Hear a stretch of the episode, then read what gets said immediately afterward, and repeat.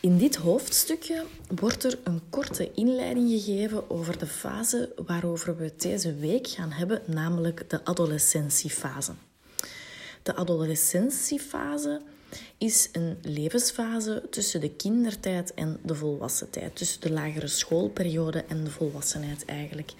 En het omvat zowel fysiologische als psychologische en sociale veranderingen. We horen echter vaak adolescentie en puberteit door elkaar gebruikt worden. Eigenlijk betekenen ze niet helemaal hetzelfde. We spreken van de puberteit als we het hebben over alle lichamelijke veranderingen. Het is eerder een medische term.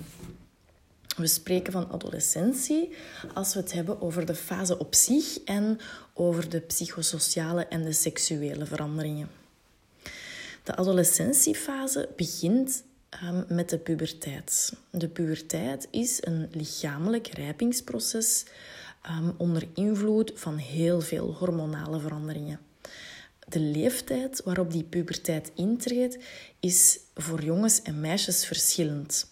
En binnen die groepen vertonen zich ook hele grote verschillen.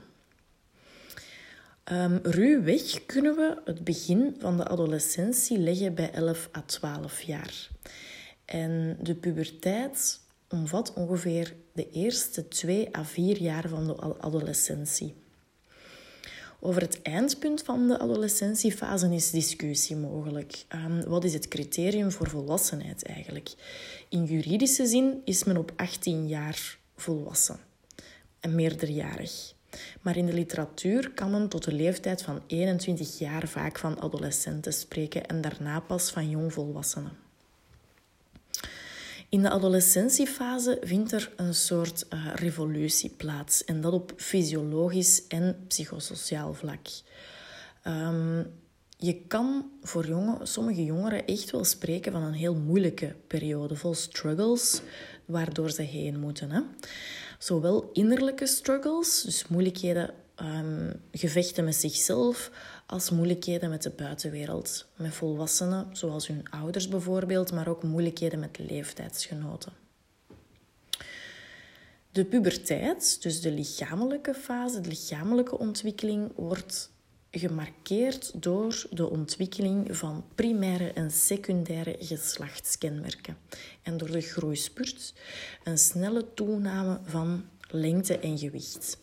Bij meisjes bestaat die ontwikkeling van de geslachtskenmerken uit de groei van eerst eh, de tepels, dan de borsten en de uitgroei van de vulva en de clitoris, het verschijnen van schaamhaar en okselbeharing, toename van vetweefsel en verandering van de vetverdeling op de heupen en de dijbenen dan. Um, ook de eerste menstruatie zal plaatsvinden tijdens de puberteit. Bij jongens groeien als eerste de testicles en worden daarna de penis en het scrotum groter. Er verschijnt schaamhaar en baardgroei um, en ook de overige lichaamsbeharing neemt toe. Uh, de stem gaat dalen, de spiermassa gaat toetreden en ook de eerste zaadlozing zal plaatsvinden tijdens de puberteit. Het longvolume neemt toe, waardoor het uithoudingsvermogen groter wordt en dat heeft natuurlijk ook een grote invloed op sportprestaties. De huid wordt vettiger door een hogere talgproductie, waardoor veel um, adolescenten last krijgen van acne. Daar worden ze jammer genoeg ook regelmatig mee gepest. Ook de zweetsecretie neemt toe door een toename van de zweetklieren. Het stadium van de lichamelijke puberteit wordt doorgaans vastgesteld op grond van de externe primaire en secundaire geslachtskenmerken. Uh, bij jongens wordt het begin van de puberteit meestal vastgesteld op grond van een volumetoename van de testikels. En de leeftijd varieert heel sterk, maar dat is gemiddeld ruim 11 jaar. En bij meisjes is het criterium voor het begin van de puberteit de ontwikkeling van de tepels en de borsten. En dat kan variëren tussen 9 en 13 jaar, maar gemiddeld vindt dat plaats rond 10,5 jaar.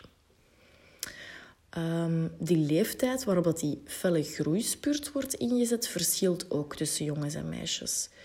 Uh, de groei bij meisjes begint gemiddeld op 10,5 jaar en bij jongens tussen de 11 en de 12 jaar. Die lichamelijke veranderingen hebben ook zware psychologische gevolgen.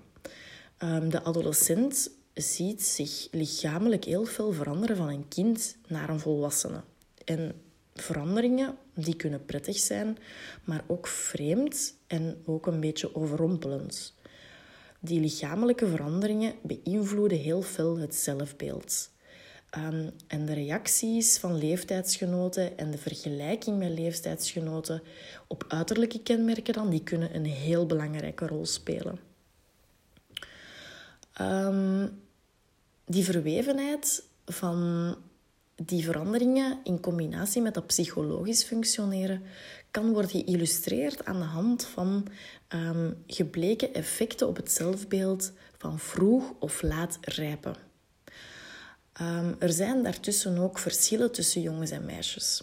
Dus wat blijkt voor meisjes is een vroege rijping eerder onvoordelig, nadelig dus.